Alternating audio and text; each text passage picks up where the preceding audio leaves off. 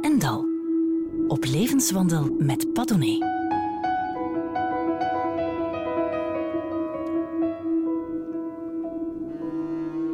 Acteur en auteur Peter de Graaf heeft zo'n kindertijd gehad dat, als hij een moord zou plegen, een beetje advocaat hem wel vrij weet te lullen.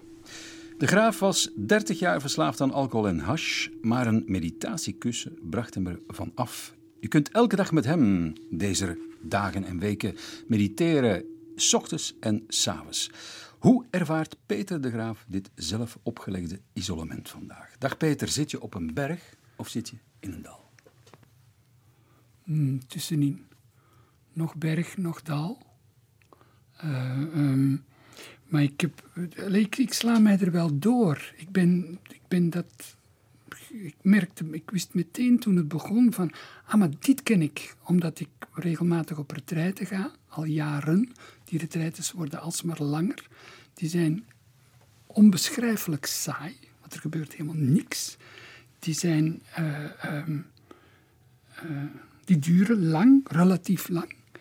En toch heb ik gemerkt, iets in mij is nieuwsgierig en wil daar altijd verder in gaan, dieper. Dus de laatste jaren doe ik in de zomerretretes van drie weken, vier weken. Onafgebroken mediteren? Onafgebroken, ja. Acht uur per dag, dag in dag uit. Zonder onderbreking. En voor ik eraan begin, ben ik altijd als de dood. Ik denk, jeetje, nee, waar begin dan? Zo doet dat niet. Doe dit normaal. Boek een, een leuke reis. Ga achter de vrouwen aan. Doe normaal. Um, maar dan denk ik, probeer drie dagen. En na drie dagen merk ik altijd, wow.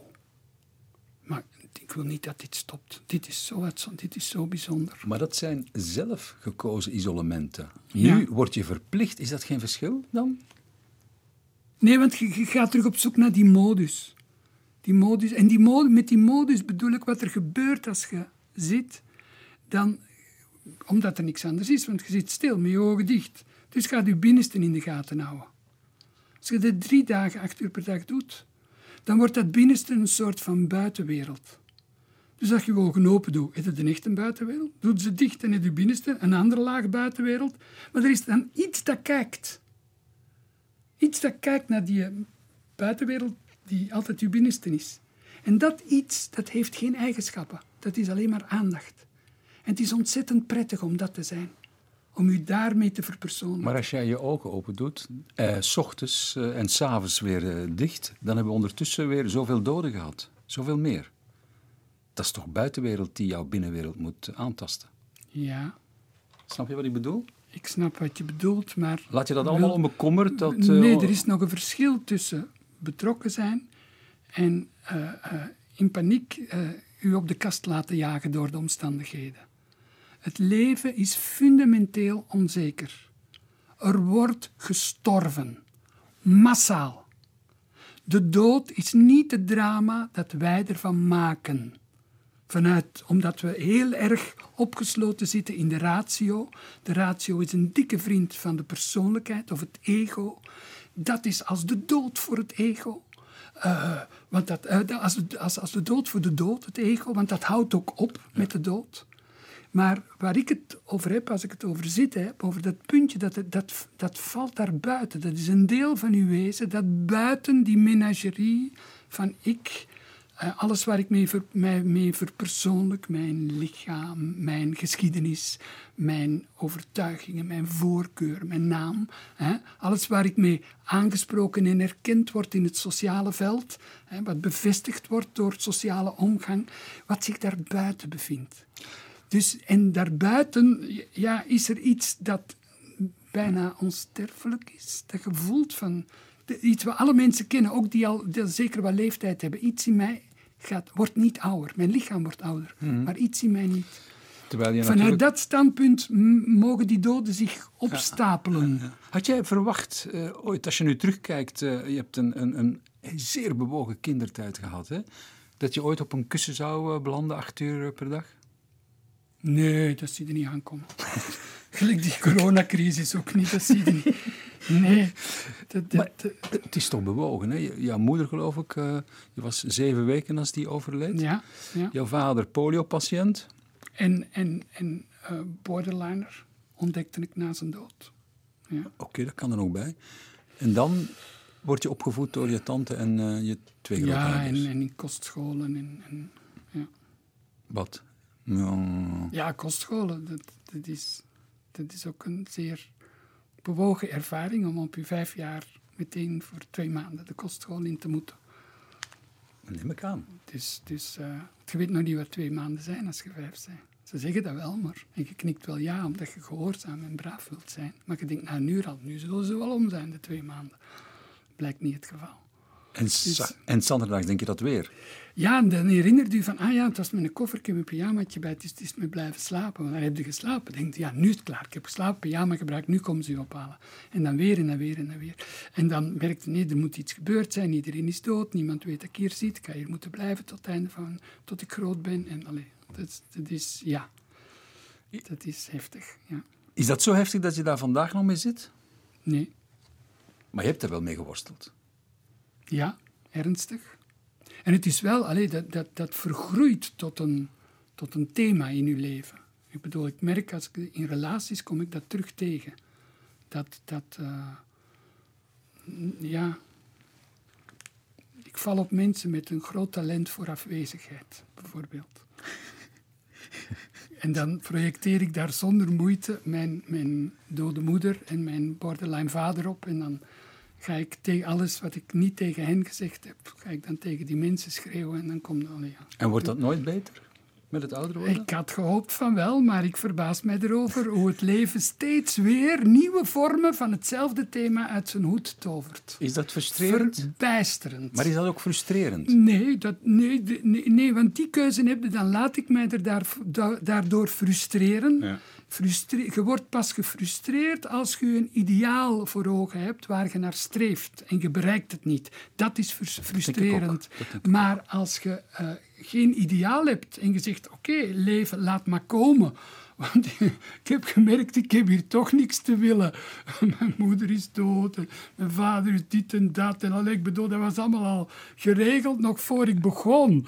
Dus, dus uh, en, en ik heb ook later gemerkt, carrière maken, don't do it. Uh, doe je best. En of, of het nu lukt of niet, dat is niet aan u om dat te beslissen. Al alles uit de kast, onbekommerd alles geven en dan zie je wel wat er gebeurt. En dan merk ik dat, eh, ja, het was blijkbaar de bedoeling dat ik toch mijn strepen zou verdienen. Met... Dat, dat heb je verdiend hè, tot nu toe. Het zal niet. Uh, als acteur, als schrijver, acteur. Uh, komen we straks op terug. Um, je bent in Zandvloed uh, grootgebracht. Zandvliet. Zandvliet. Zandvloed, oh, dat is, dat, is, dat, is, een mooie verspreking. Misschien was er soms wel een zondvloed in Zandvliet. Mm. Komt nog een gedicht van. In Zandvliet, in ieder geval langs het water. Hè? Je hebt toch iets met water? Ja, ja, ik heb wel iets. Ja, ja, ja, ja ik eh, Zandvliet ja, ligt, ligt een beetje dieper in de polder, maar ligt langs de Schelde, punt. Dus, dus uh, ik ben opgegroeid met spookverhalen over uh, dwaallichten in rietkragen waar ze riet gingen snijden om de aardappelen te kuilen enzovoort. enzovoort. Dus dat wel, ja. Dus de verhaalverteller Peter de Graaf, want dat ben je, een raconteur puur sang, dat heeft hij van geen vreemde. Misschien wel van de familie, de grootouders die. Ja, ja, het, ja. ja dus het verhalende, dat was heel erg aanwezig bij ons. Ja. En wat deed je dan als kind? Alles opnemen? Nee, nee, nee gegroeid daar. Allee, ik geef een voorbeeldje van hoe verhalend ze waren. Er was geen tv, moeten denken, geen radio. Radio net. Nou. Ehm, mm, maar ik kreeg, mm, toen ik vijf of zes, toen ik kon al lezen voor ik naar school ging. Vier moet ik geweest zijn. Mijn eerste encyclopedie van A tot Z. Heette het de wonderenwereld van A tot Z. Mocht ik op de schoot bij mijn grootvader. Bij elke letter stond een plaatje en een, en een, een klein tekstje. En dan mocht ik vertellen wat ik dacht dat er op dat plaatje stond. Bij de M stond de baron van Münchhausen. Net op het moment dat hij zich door een kanonskogel boven de vijandelijke linies laat schieten en overstapt op een kogel die terugkomt om terug bij zijn eigen mensen te komen. En dan was hij zo aan het eh, spioneren. Dat, wist dat is die, die man zichzelf uh, aan zijn haar uit het moeras trekt. Uit het moeras trekt en dat soort hele bron van Münchhausen. En mijn grootvader die liet mij vertellen wat ik daar zag. En ik zag een, een man met twee grote kanonkogels aan zijn benen, die met enorme stappen één keer per jaar de wereld rondliep uh, en onderweg alle stoute kinderen meenam. Bij het eerstvolgende onweer Waarbij eh, mijn grootvader werkte bij de tram en die had zo van tramrails en ethernietplaten een afscheiding gemaakt om fietsen tegen te zetten achter, achter het huis.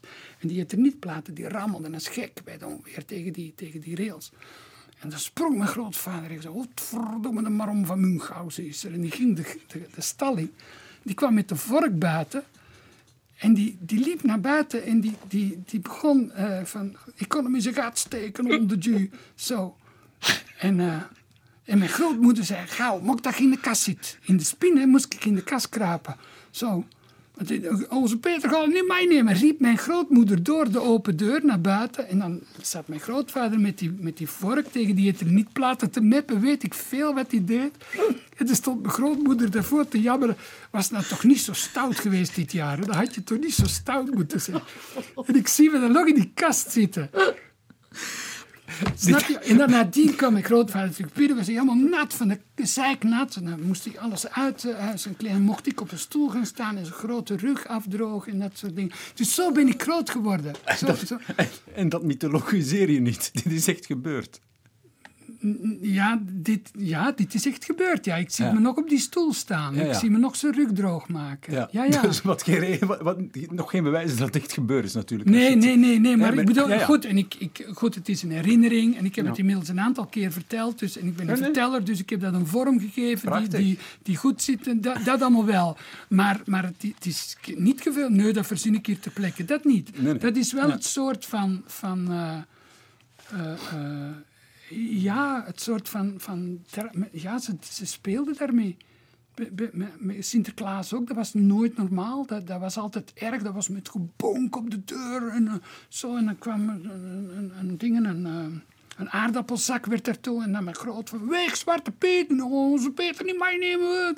Zo, dat, dat was echt drama, dat was theater. En ik, ik kneep hem als de pest. Maar jij moest in het theater, eh, als je dat zo hoort. Nou, nee, mijn broer, mijn broer is in, de, in, dezelfde omstandigheden opgegroeid. En die, ja. is, is, niet in theater gegaan. Dus. Maar je bent er wel heel erg gevoelig voor. Dat, anders kun je die verhalen niet meer uh, op zo'n manier herinneren natuurlijk.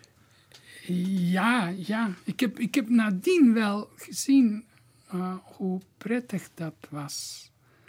Of hoe waardevol. Want ik heb, ik heb natuurlijk allez, ik heb, ik heb genoeg redenen om te, te zeggen. ik heb een treurig begin gehad, enzovoort, enzovoort. Maar ik heb in de loop van mijn leven wel geleerd om count your blessings. En te gaan kijken, ja, maar ik heb ook dat gezien. Ik heb, ik heb liefde meegemaakt bij mijn tante, bij mijn grootouders. Ik heb, ik heb ook warmte, ik heb een nest. Ik heb mensen die, die, die gingen staan voor mij. Van, onze Peter, ga niet meenemen. Dan, dan voelde ergens, ik ben ik hoor bij deze mensen. Dat is heel belangrijk, want ik ben later nog wel mensen tegengekomen die uit moeilijke, moeilijke jeugd, want je valt op elkaar, dus dan krijg je relatie met dat soort mensen. En dan acht ik mezelf, nee, ik heb, ik heb, ik heb, uh, ik ben goed, ik heb een goed rugzakje meegekregen. Ik heb mooie dingen gezien, waardevolle dingen waarvan ik wist, dit bestaat ook, dat heb ik gevoeld. En je hebt ook, voor mensen die jou, de weinigen, niet zouden kennen, je hebt ook hele mooie dingen op de plank gebracht tot vandaag. Ik neem één gewoon hele belangrijke voorstelling. Je hebt ze trouwens een paar jaar geleden hernomen. De drie mannen van uh, Ypsilanti. Doortrokken van een bijna ja, naar de adem grijpende somberheid. En die je toch als toeschouwer overleeft. Hoe doe je dat in godsnaam? Want geef die tekst aan om het even wie anders. En je gaat uh, uitgeput en, en, en. De drie mannen, die, drie mannen heb ik zelf nooit gespeeld. Hè? Nee, nee, maar je hebt hem toch geschreven, hè? Jawel, wel geschreven, ja. Wel, laat een ander die... Ja, de, de, de, ik bedoel, je, je schrijft iets en een ander zou van datzelfde thema iets onverteerbaars maken. Ja, maar je begint niet te schrijven van, van, vanuit ik iets, iets, vanuit ik heb een thema en nu ga ik dat uitwerken. Zo werkt het niet. Ik heb niet drie mannen, de drie mannen bijvoorbeeld, toen was ik, uh, uh, zat ik zelf in een heel diep dal, noem het gerust depressie. Maar ik had afspraken gemaakt, ik had een producent, ik had uh, drie acteurs, die had ik uh, mondeling geëngageerd. En ik wilde die niet in de steek laten. Ik had echt het gevoel van, ga ik nu ga ik me laten gaan, ga ik hangen? Of... En ik herinner me nog dat ik die heb geschreven. Dat ik dacht, ik weet niet waarover ik moet schrijven. Ik zit alleen maar vol donkerte en in verdriet. En dat ik me bij wijze van spreken het puntje van mijn M elke ochtend vast nagelde aan mijn werktafel en zei: En vandaag mag je pas los als je één schermpje vol hebt geschreven. voor een Atari. En ik wist bij God niet waar gaat dit over. Waar- En nog een schermpje. Ik denk, het is wel mooi, maar ik weet niet wat het over gaat. En nog een schermpje. En s'avonds haalde je dat eh, nageltje er weer vanaf van je hemd en dan mocht je... Niet s'avonds, nou, als, ik, als het na- een paar als- uur als- klaar het- was. precies, als het ja, vol was. Ja. Een vreemde manier om jezelf... te- is bijna zelftuchtiging. Ja, maar het was, ook, het was, het was vooral voor- uit, uit een gevoel van verantwoordelijkheid naar die mensen die ik geëngageerd had. En, en van nee, ik ga me niet laten gaan, we gaan proberen. Ja. We zien wel wat schip strandt, we, we proberen. We proberen. Maar als we nu naar jouw eh, andere werk bekijken... en je staat zelf op de planken, de dingen die je schrijft... je staat een zeldzame keer op de planken of je zit op het scherm... dingen die je niet hebt geschreven. En dan heb je natuurlijk eh, dingen die je schrijft voor anderen... Is daar een basso continuo? Ik denk het wel. Je ziet toch, dit is bijna vintage de graaf. En dan kun je wel zeggen, ja, maar zo werkt het niet, Pat. Ik ga niet ergens achter mijn bureautje zitten en denken, waar ga ik het nu over hebben? Dat is, dat is iets anders. Hè? Dat, je hebt het over, over, over, uw, geschri- over uw schriftuur. Ja. Daar, ja, dat, dat, weet ik, dat, dat weten anderen beter dan ik. Die staan er buiten. Dus Ja. als ik iets zoals mijn stem, weet wel. Als ik mijn mond opentrek, dan komt dit, dit heese gedoe eruit. Dat, dat kan ik niet helpen. Eh, Maar waar je over schrijft, waar komt dat vandaan? Ja, dat komt. dat- kijk, schrijven is, is. It pays the bills. En ik, doe het, ik doe het zeer graag. Ja. Maar dat is niet waar ik voor op de wereld ben gezet. Ik ben op de wereld gezet om die worsteling aan te gaan met what the fuck is this life? Daarvoor zit ik ook. Niet om mijn trauma's en, en de monsters uit het verleden de baas te kunnen, maar omdat ik achter die vraag aan zit. Waarom zijn de dingen zoals ze zijn? Hoe zou ik hierop kunnen antwoorden? En de spin-off van die zoektocht, die komt in mijn werk te zitten. En waar, van waar die worsteling, die eeuwige worsteling. Het lijkt alsof jij nooit ophoudt te worstelen met jezelf en met de wereld. En tegelijkertijd urenlang op een kussen gaat, eh, gaat zitten. Ik denk dat het eruit ziet als een worsteling voor iemand die van buitenaf alleen maar kan denken in: we hebben een doel, we willen iets bereiken, we gaan ergens naartoe. Terwijl ik wil op zich niks bereiken, omdat ik weet van er valt niks te bereiken. Het komt of niet. En ik weet ook van als het moeilijk is, zijn we iets aan het leren. Er, er is, er, is nog, nog niemand tot een diep inzicht gekomen na een ontspannen matchje beachvolley. Zo werkt het niet. Het zijn de vervelende dingen, de dingen waar we nooit voor zouden hebben gekozen in het leven.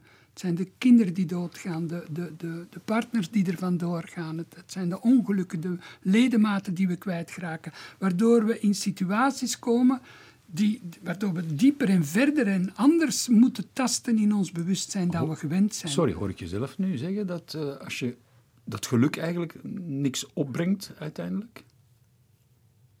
Aan eigen inzicht? Het geluk dat wordt gepropageerd in reclames en films en door de industrie, dat brengt bitter weinig op. En je eigen geluk, je persoonlijke geluk, mag dat dan niet? Kun je daar niets van leren over jezelf? Het gel- een geluk is een gevolg van hetgeen je geleerd hebt. Dat is, dat is een, ik ben nu de laatste jaren, 10, 15, ben ik, ben ik relatief. Ik voel me zeer goed, zeer prettig. Ik vind het leven prettig. Ik vind het wonderlijk. Ik vind het verbijsterend, terwijl niet alles naar mijn goesting gaat. Dus op ego-niveau kom ik echt nog dingen tegen. weerstand enzovoort enzovoort. Maar ik weet wel dat, dat- kijk, dat het geluk, je ziet het wel. Alles wat je kunt bereiken door wat de, wat, wat de industrie ons zou willen laten bereiken. Een groter huis, een mooiere auto, verder op vakantie. Dat leidt niet tot blijvend geluk. Want je wilt altijd meer. Zie maar, die mensen die, er komen alle jaren 2 tot 300 miljardairs bij. De ongelijkheid in de wereld komt omdat men op die manier denkt gelukkig te kunnen, blijvend gelukkig te kunnen. Dat wil maar niet lukken. Peter, wil- er is nooit genoeg. Peter de Graaf, Ja. acteur en ook schrijver. Ik, ik zeg het er toch graag bij. Je hebt drie boeken meegebracht, dat hebben we gevraagd. Dat vragen we iedereen die er over de vloer komt. Eerst is een eh, poëziebundel van Wisława Szymborska. Een gedicht, De vreugde van het schrijven. Ja, herken je dat, de vreugde van het Ja, ja, ja. Toch ja, wel? Ja, ontzettend. Ontzettend. Is daar veel uitleg bij nodig voor je het gaat lezen? Nee. Of eh, spreekt het voor zich? Ja, goed. De vreugde van het schrijven. Waar rent die geschreven ree door dat geschreven bos naartoe? Gaat ze van het geschreven water drinken, dat haar snuitje als een doorslag weerspiegelt? Waarom tilt ze haar kop op? Hoort ze iets? Op vier van de waarheid geleende pootjes steunend spitst ze onder mijn vingers haar oren. Stilte. Dat woord ritselt over het papier en het duwt de door het woord bos veroorzaakte takken uiteen. Boven het blanco papier liggen ze op de loer. De letters die zich misschien niet zullen schikken, die insluitende zinnen waaraan niets of niemand ontkomt. In elke druppel inkt zit een flinke voorraad jagers met toegeknepen ogen, klaar om langs de steile pen omlaag te rennen, de reten om te singelen en aan te leggen voor het schot. Ze vergeten dat dit niet het leven is. Zwart op wit heersen hier andere wetten. Een oogwenk zal zo lang duren als ik wil. Ik kan hem opdelen in kleine eeuwigheden, vol in hun vlucht gestuite kogels. En zo ik het beveel, zal hier nooit meer iets gebeuren. Buiten mijn wil kan zelfs geen blaadje vallen, geen sprietje buigen onder de punt van enig reeën hoefje. Er bestaat dus een wereld waar ik absoluut over het lot regeer. Een tijd die ik met tekentekens bind. Een bestaan continu op mijn bevel. De vreugde van het schrijven, het vermogen te bewaren. De wraak van een sterfelijke hand. Wisława Szymborska. Peter de Graaf eh, las haar voor. Szymborska die, eh, ik denk in 1996, de Nobelprijs Literatuur won. En dat ja, zo eigenlijk onbelangrijk vond dat toen ze haar zus belde, eh, haar schoonbroer aan de lijn kreeg. En die zei, ja, ze slaapt. Oh, en waarvoor is het? Het is om te zeggen dat ik de Nobelprijs heb gewonnen. Maar laat ze maar slapen, ik zal het straks maar zeggen. Heerlijk toch, hè? Ja. Each man kills the things he loves. Dat is van Oscar Wilde, maar ook Jean Moreau zingt het. eh, Peter de Graaf. Kun je daar iets bij voorstellen? Is het zo? Each man kills the things he loves. Ik ben, ik ben diep aan het nadenken. Of is het zo confronterend? Nee, nee. Ik weet niet waar het op slaat. We gaan luisteren. De dingen waar ik van hou, die probeer ik te vieren. We gaan luisteren. Heel goed idee. Each man kills the thing he loves. Each man kills the thing he loves. Da da da da da da da. Each man kills the thing he loves. Each man kills the thing he loves. Da da da da da da da. Some do it with a bitter look, some with a flattering word. The coward does it with a kiss. The brave man with a sword, with a sword, with a sword.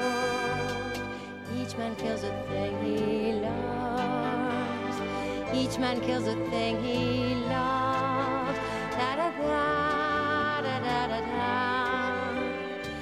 Each man kills a thing he loves. Each man kills a thing he loves. Da da da da da da da. Some kill their love when they are young, and some when they are old. Some strangle with the hands of lust, some with the hands of gold. The kindest use a knife because the dead so soon grow cold. Each man kills the thing he loves. Each man kills the thing he loves. Da da da da da da da. Each man kills the thing he loves. Each man kills the thing he loves. Da da da Some love too little, some too long. Some sell and others buy. Some do the deed with many tears, and some without a sigh. For each man kills the thing he loves, yet each man does not die. Each man kills the thing he loves. Each man kills the thing he loves.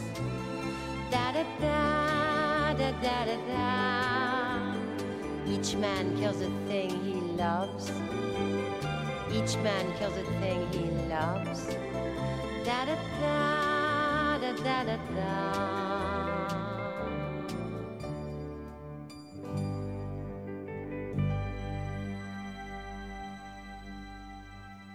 Jean Moreau, Each Man Kills the Thing He Loves. Het komt uit de film Kirel van eh, de Duitse regisseur eh, Rainer Werner Fassbinder. Bij mij zit Peter de Graaf, acteur, auteur.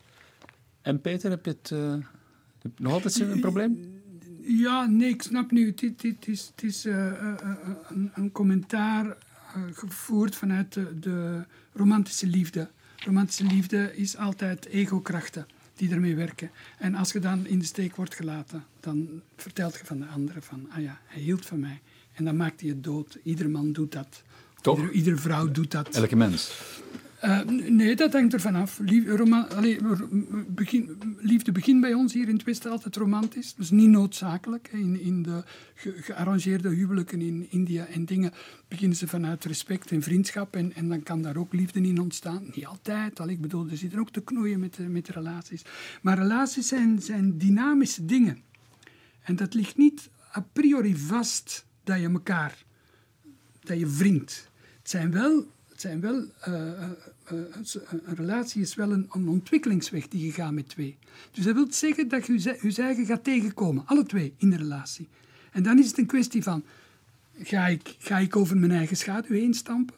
Heen, heen, springen? Ga ik, ga ik mijn eigen ego kunnen laten vallen? Ga ik onder druk van de liefde of het, het, het gevoel van ik kan niet zonder de andere, ga ik water in mijn wijn? Kan ik, ga ik kunnen loslaten wat ik denk en wil en absoluut zou willen zijn? Of kan ik dat niet?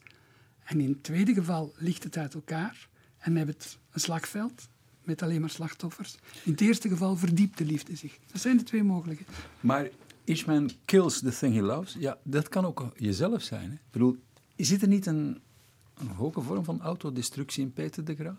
Eh, zeker met plezier maak ik mijn ego niet dood, maar probeer ik hem de wind uit de zeilen te halen.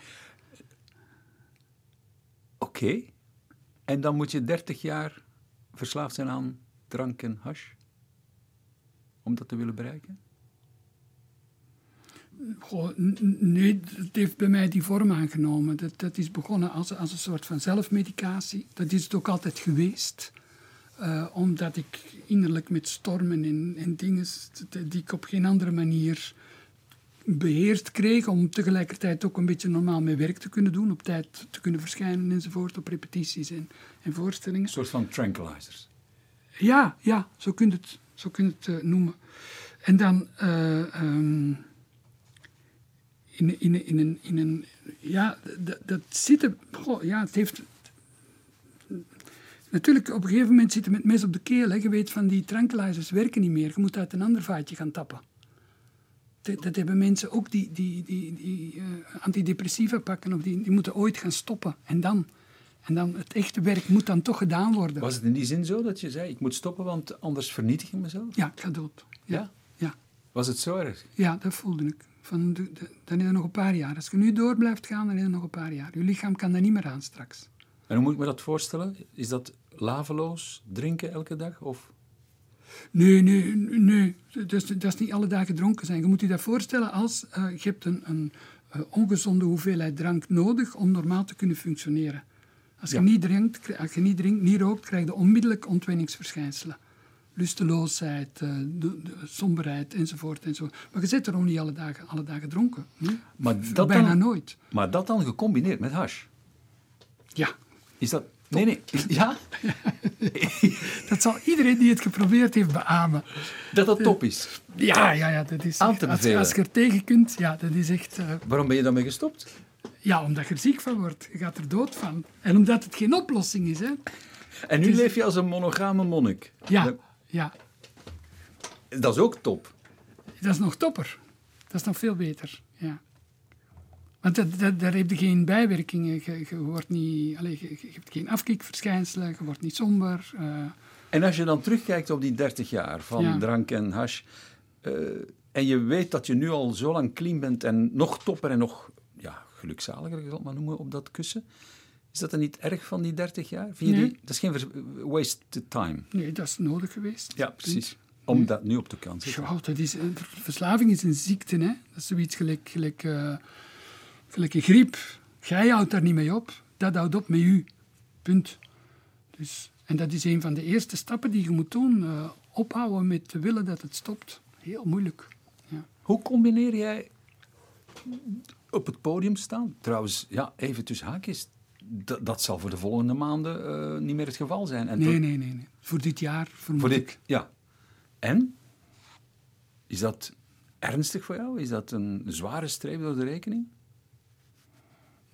Ja, mijn spaargeld zal op zijn op het einde van het, eh, van het seizoen. Ja. Maar gelukkig. Allee, ik hoop dat we, dat we tegen dan eh, ehm, het probleem bezwo in bezworen hebben. Of, of ja, dat, dat er maatregelen zijn waar ik, van kan, waar ik aan kan voor in aanmerking kom, laat ik het zo zeggen. Ja. Maar tot op heden, ik, ik heb voldoende spaargeld en ik hoef naar niks te kijken. Dus ik denk, oh ja, ik maak, het niet, ik maak dat wel op. Maar dat is een zware streep door de rekening, ja. Eh, dat, zijn, dat zijn, ik moet daar rekenen, iets van 70, 60, 70.000 euro die niet verdiend zijn. Ja. Wauw. Dat gaat over heel vele voorstellingen. En, en eh, rechten ook. En hè. rechten, ja. Rechten, ja. Die combinatie. En nu ga je me toch niet zeggen, omdat je toevallig eh, uren op een kussen zit, dat jou dat gewoon eigenlijk onbekommerd laat? Ik lig van dat geld niet wakker, nee. Is het echt? Echt, ja. Nog geen moment gedacht van, oh shit zeg. Nee, nee. Nee. Jammer, maar ik ben direct gaan kijken van kan ik het aan? Ik heb gezien, oh ja, ik kan het aan. Dan moeten we ook niet achter die compensaties. Er zijn andere mensen die er erger aan toe zijn. Laat dat dan daar maar voor. En wij gaan doen wat we kunnen met, met wat we hebben. En ik ben, ik ben wel direct beginnen rondbellen met mensen uit de, beeldindustrie. Van jongens, ik zou een serie willen schrijven over corona. Die we alleen met Skype beelden kunnen opnemen. En, eh, ik ben direct wel terug aan het werk en, en iets aan het verzinnen. En, en ik ben, wel terug aan het schrijven. Maar dat is lang niet zeker. Beeldindustrie, dat is zeer traag en, en onduidelijk, eh, onduidelijke processen. Lang niet zeker dat gedraaid gaat worden, dat ik ervoor betaald ga worden. Maar ik probeer wel daar iets tegenover te stellen over die werkloosheid. Tegenover die werkloosheid. En eh, in, ho- in hoeverre bepaalt dat nu jouw creativiteit of, of houdt ze die precies tegen? Komen daar nieuwe dingen eh, uit, uit voort? Wat je nu allemaal meemaakt? Wat wij meemaken?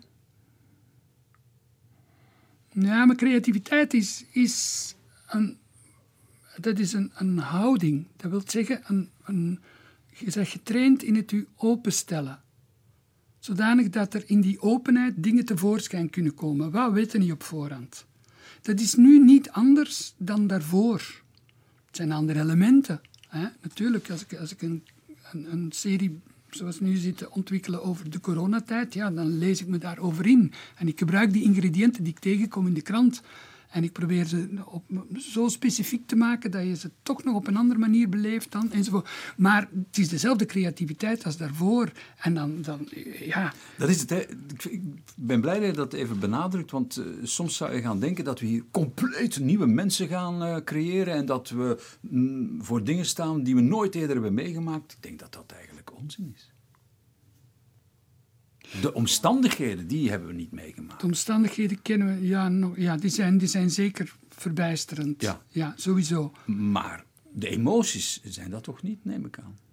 Die zijn toch van alle tijden. Ja, de emoties zijn van alle De tijden. vreugde, want ik leef en de, De ontreddering. De on- totaal ontreddering. Ja, ja, Maar die zijn er ook altijd Ja. geweest. Hè? ja. Alleen natuurlijk denk ik op een hele exp- expliciete, bijna hyperbolische manier. Maar eh, Ja, dat, daar is niet zoveel aan veranderd. En dat, dat geldt voor creativiteit ook. Dat is iets... Ik ben 's morgens heel... eh, als ik net goed geslapen heb en ik sport genoeg, en dat kan ik nu ook blijven doen. Dus, dus ik merk dat dat ook hetzelfde blijft. Dat dat, eh, Peter, je hebt ehm, Maarten van Roosendaal meegebracht. Tenminste zijn muziek, want hemzelf dat kan niet meer. Zeven jaar geleden overleed hij eh, aan pancreaskanker. Ik heb hem gekend. Heel aardige cabaretier. Beetje intrigerende man. Rookte onvoorstelbaar. Is daar ook eh, voor een deel aan kapot gegaan. Eh, waarom hij? Waarom... Welk nummer is het? Mooi, mooi. omdat ik daar altijd bij moet halen bij dat liedje. Huilen. Is dat waar? Ja, ik kan me inhouden zelfs, maar als ik alleen zit, ja, dan heb ik het vlaggen.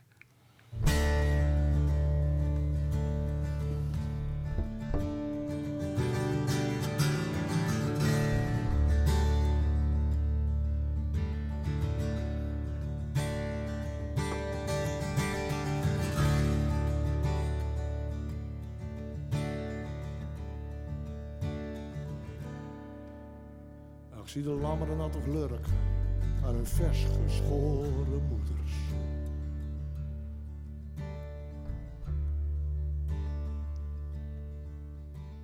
En hoe de jonge zwanen donzen in de zachte sloot. En hoe de zoele wind de wolken waait tot pas gewassen luchten.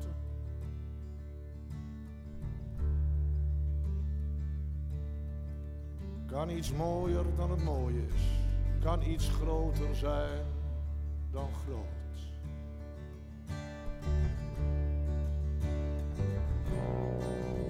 En voel de horst dan al toch lonken, haar knoppen staan op barst. Het nieuwe riet drinkt gulzig water uit de smalle vaart. Kan iets frisser dan het fris is, wulpser dan het wulpste. Ach, ik ben godsdank dus nog een keer een jonge lente waard. Dit is zo mooi. Het is om te janken zo mooi, mooi. Om te janken zo mooi.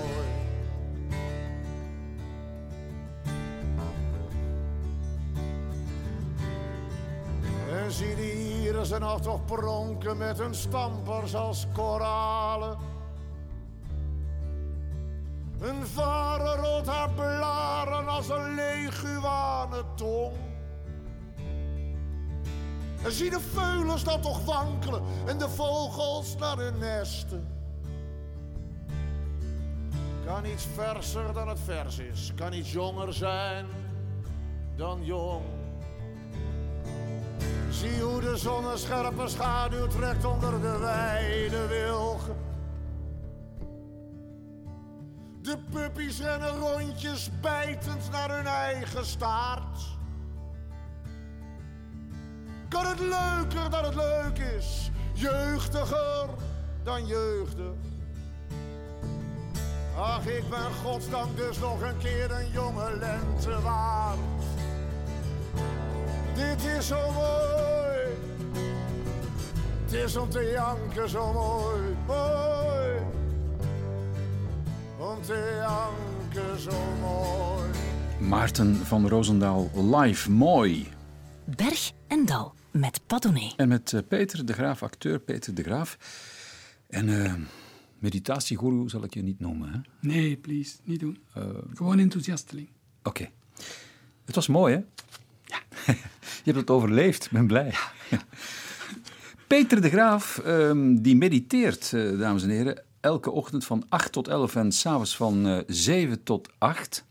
Dat doet hij wel vaker, maar nu doet hij dat gewoon open en bloot. En je mag mee mediteren, Peter. Waarom Ja. doe je dat? Eh, Voel je dat mensen daar nu nood aan hebben? Nou, ten eerste was er nood aan hebben toen, toen de crisis begon, voelde ik direct van oei, mensen die niet meer kunnen gaan werken. Het eerste wat ze kwijt zijn is structuur in hun dag. Daar, daar weet ik iets op, terug structuur. Eh, als je een aantal uur per dag gaat zitten, krijg je structuur in die dag. En by the way, van tot, het zijn geen zes uur, het zijn maar vier uur dat ik zit. Dus er zit telkens een uur tussen. Niet omdat iedereen al die uren zou meezitten. Wie kan en wil, kan mee inpikken. Voor zolang hij wil, 10 minuten, 20, half En hoe moeten we ons dat voorstellen? Jij zit daar, je camera, Ja, En- gewoon- gewoon de, de, de webcam van de, Ja. Van de computer. ja. Ja, En mensen gaan zitten en doen mee. thuis, ja, Ja. ook. Ja. En dan weten ze van, ik zit niet alleen. Er zijn er nog. En soms doen ze berichtjes van, ah, ik ben er. eh, eh. En krijg je berichtjes? Ja, maar ik heb er geen idee van, want ik kan zelf niet nakijken hoeveel, hoeveel er inhaken. Ik heb er geen idee van. Ja. Maar er is wel een soort van vaste kern die, allee, die groot genoeg is om te zeggen, dat ik doe door. Ja. Is dat niet vreemd eh, om online te mediteren en te doen alsof je met z'n allen bent en eigenlijk zit je dat toch ook maar alleen? Begrijp je wat ik bedoel? Nee. Wel, als je in een groepsmeditatie zit, letterlijk, bij mensen samen, ik doe dat ook wel eens vaak, Ja, dan voel je die vibes van die andere Ja. mensen, maar kun je Ja. dat via een scherm voelen? Nee, dat gaat niet. Maar het is toch nog een groot verschil of je helemaal in je, in je pieten eentje thuis zit, Mhm. of je weet, nee, op dit moment, daar, die vent en al die mensen die op hem ingevoerd, die zijn dit nu ook aan het doen. Dat is toch nog een groot verschil. Nu, eh, eh, het zitten alleen, ik ben gewend om dat alleen te doen. Hè. Ik doe ook retraites alleen, enzovoort, enzovoort. En in het begin was, was dit gestreamd zitten was heel confronterend. Want ik voelde me te kijk zitten. Ik Dat zal wel, dat ja, zal wel. ja, en ik had echt van, is het nu aanstellerij? Moet ik dit wel doen? Ja. Bla, bla, bla, bla. Maar ik, ik, heb- ik heb alleen nu, nu, het, nu we al een paar weken bezig zijn, Ja. een paar, mm, bijna al anderhalf maand, eh, eh, kan ik dat van me afzetten. En kan ik terug gaan zitten alsof ik helemaal alleen zit. En, en ehm, maakt het weinig verschil uit. Ik ben zijn, heb je meegebracht. Een ehm lijvig werk, Een klassieker. Een klassieker zelfs. Een Vind je, vind je het erg dat ik daar nog nooit van gehoord heb? Nee. Van wie is het? Sri Nisargadatta Maharaj. Oh ja, een eh, hele, hele... Die kunnen, die kunnen googlen. Nisargadatta Maharaj. Als je die zijn afbeeldingen doet, dan zie je een, een oude lelijke vent met een aardappelneus. Die heeft zijn hele leven een sigarettenwinkeltje eh, gehad in de, in de achterbuurt van Mumbai. En die had in dat, in dat sigarettenwinkeltje een klein kamertje voorzien waar die mensen van over de hele wereld eh, ontving om via discussie tot verlichting te brengen. achteraan in het winkeltje. Ja, ja. Dat is eigenlijk een, een, een monument, spiritueel gezien. Het is ook wereldbekend, want het boek is in alle denkbare talen vertaald. Wordt overal gelezen door mensen die, die zich daar in die richting zijn beginnen interesseren. Voor de goede orde, het is niet iemand van eh, zoveel jaren voor onze tijd. Nee, nee, het is nee, 20 eeuw, hè? Twintigste eeuw, ja. Ja. Die, die heeft, eh, ik weet niet hoe laat, hoe laat, wanneer hij gestorven is, maar... En je vindt hem inspirerend, hoor ik. Ja, ja, hij is een, een levend... eh, hij praat vanuit een staat van verlichting met iedereen. Probeert hij iedereen op zijn manier ook allee, de redeneringen te ontkrachten en ook naar daar te krijgen. Sorry, een staat van verlichting. Wel, kijk, dat is een beetje... Dat klinkt mij zo etherisch, hè? Ja, dat is niet etherisch. Eh, eh, eh, de wetenschap heeft dat inmiddels ook ontdekt. Er heeft op de cover van Time Magazine en Newsweek hebben al Happiest Man on Earth gestaan. Dat waren gasten, meestal uit de Tibetaanse traditie, want die laten zich zonder morren onderzoeken in de westerse eh, laboratoria. En die zijn in meditatie gaan zitten met allemaal elektroden op hun kop. En ze hebben daar ontdekt dat de stofjes die wij no- normaal alleen ontdekken bij gelukkige mensen, dus oxytocine en dat soort lichaams-eigen drugs die het lichaam aanmaakt in geval van verliefdheid en zo, dat dat bij hun naar een level stijgt. Tien keer meer dan wat we ooit als hoogste hebben gemeten, enzovoort, enzovoort. Dat betwijfel ik niet trouwens. Inderdaad, de wetenschap is daar nu heel eh, pertinent over. En dat gaat over serotonines en dopamines, noem maar op. Ja. Maar daar ben je nog niet verlicht, hè? Nee, daar ben, ben je nog niet mee verlicht. Maar wat, er, waar, ik- waar ik maar wil zeggen, onze eh, eh, psychologie is een psychologie van herstellen wat kapot is. Wat wij nog niet hebben begrepen is dat we eh, eh, werken met het innerlijk ook kunnen gebruiken om een staat van geluk, van, van gelukkig zijn te... Nee, want dat hebben we altijd nog gereserveerd. Gelukkig zijn, dat doen we via de materie. Dat doen we via aanschaf van dingen, via het produceren, via het maken enzovoort. We hebben nog niet ontdekt dat je nog veel gelukkiger en efficiënter en blijvender gelukkig, duurzamer gelukkig kunt worden door met dat binnenste te werken. En dat- en en, dat- en, en in die de, de, de, hoogst denkbare vorm hier op aarde van gelukkig zijn via je binnenste, dat heet verlichting. En Dus dat, dat, vind je terug in dat boek eh, Ik ben zijn. Ja, kijk, daar, als je nu eens wilt horen, hoe, hoe, hoe spreekt en hoe, hoe redeneert iemand die vanuit die staat praat. Maar je hebt er nog, je hebt ook Ma- eh, eh, Ramana Maharshi. Dat is ook een grote Indische heilige uit vorige eeuw. Die zei geen woord. Die weigerde daarover te praten. Dus, maar die had een, een, een ashram en mensen kwamen bij hem in de buurt. En gewoon door bij hem in de buurt te gaan zitten, ging uw bewustzijn al... Dat ging raar doen, dat ging anders doen. En geloof jij dat? Ik ben er benieuwd naar, ik sluit het niet uit. Geloven trouwens, als ik me daarop probeer te pakken, wat is geloven? Waar gelooft jij? Wat is geloven? Geloven wil alleen maar zeggen dat je iets zo sterk kunt verbeelden, dat je iets zo, zo krachtig kunt fantaseren, dat je het als werkelijkheid gaat ervaren. Dat is geloven. Dus geloven is niet de werkelijkheid, is niet de waarheid. Dat is een krachtige verbeelding. Dus ook, ook mensen die geloven in de exacte wetenschap, die ervaren zich dat, die, die stellen zich dat zo sterk voor dat dat de waarheid is en niks anders, want het is gebaseerd op meetresultaten enzovoort. Dat ze het inderdaad gaan zien, dat ze buiten zich alleen maar exacte wetenschap gaan zien. Weet je wat? Ik geloof je. Eh, je gaat lezen uit Ik ben zijn van eh, Sri Nisargadatta Maharaj, zoiets? Ja. Een bezoeker die zegt: U blijft maar zeggen dat ik nooit geboren ben en nooit zal sterven. Hoe komt het dan dat ik de wereld bekijk als iemand die wel degelijk geboren is en zal sterven? Dat komt doordat je nooit vraagtekens hebt gezet bij de overtuiging dat je dit lichaam bent. Dat uiteraard wel geboren wordt en zal sterven. Maar zolang het leeft, trekt dat lichaam de aandacht. En het fascineert de mensen zozeer dat ze maar zelden zien wat ze wezenlijk zijn. En dan gaat het nog de hele tijd zo door. Peter de Graaf las eh, uit Ik ben zijn van eh Nisargadatta Maharaj.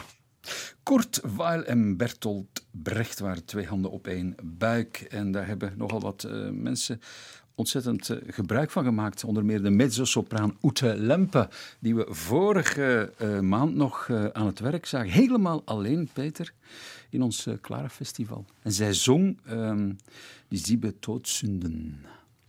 Indrukwekkend, helemaal alleen. Maar nu dus niet Ute Lempe. Ja. Ja, ja, maar eh ehm, Lotte Lenia, vrouw van Kurt Weill, met eh Surabaya Johnny. Ich war jung, Gott erst 16 Jahre. Du kamest von Burma herauf. Du sagtest, ich solle mit dir gehen. Du kämest für alles auf. Ich fragte nach deiner Stellung. Du sagtest, so war ich hier stehen. Du hättest zu tun mit der Eisenbahn und nicht zu tun mit der See. Du sagtest viel, Johnny, kein Wort war wahr, Johnny. Du hast mich betrogen, Johnny, zur ersten Stund. Ich hasse dich so, Johnny, wie du da stehst und grinst, Johnny. Nimm doch die Pfeife aus dem Maul, du Hund. Surabaya, Johnny, warum bist du so roh? Surabaya, Johnny, mein Gott, und ich liebe dich so. Surabaya,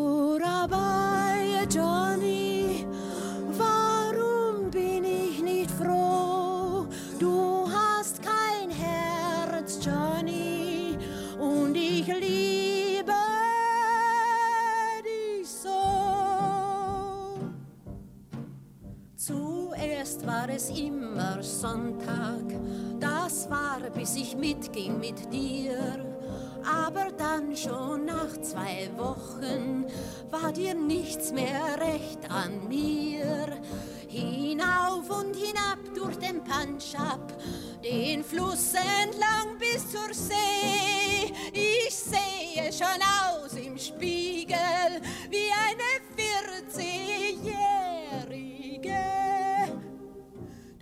nicht Liebe, Johnny, du wolltest Geld, Johnny. Ich aber sah, Johnny, nur auf deinen Mund. Du verlangtest alles, Johnny, ich gab dir mehr, Johnny. Nimm doch die Pfeife aus dem Maul, du Hund. Surabaya, Johnny, warum bist du so roh? Surabaya, Johnny, mein Gott, und ich liebe dich so. Johnny, warum bin ich nicht froh? Du hast kein Herz, Johnny, und ich liebe dich so. Ich habe es nicht beachtet, warum du den Namen. Doch an der ganzen langen Küste warst du ein bekannter Gast. Eines Morgens in einem Sixpence-Bett werd ich donnern hören die See und du gehst ohne etwas zu sagen und dein Schiff liegt unten am Quai. Du hast kein Herz, Johnny. Du bist ein Schuft, Johnny. Du gehst jetzt weg, Johnny. Sag mir den Grund. Ich liebe dich doch, Johnny. Wie am ersten Tag, Johnny. Nimm doch die Pfeife aus dem Maul, du Hund. Surabaya, Johnny, warum bist du so roh?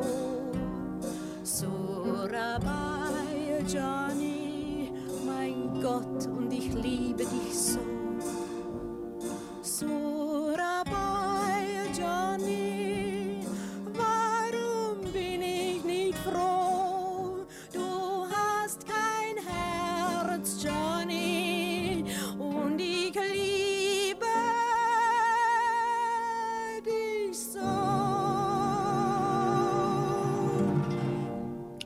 Lenia Surabaya, Johnny, du hast kein Herz, Johnny, und ich liebe dich zo. Heeft een vrouw jou dat al ooit gezegd, Peter de Graaf? Ja hoor, Niets hè, is ons vreemd natuurlijk. dit is ons vriend. Wat is jouw credo? Onbekommerd alles geven. Dus bij alles wat je doet, je best doen, alles uit de kas halen en je niks aantrekken van het resultaat. Niks.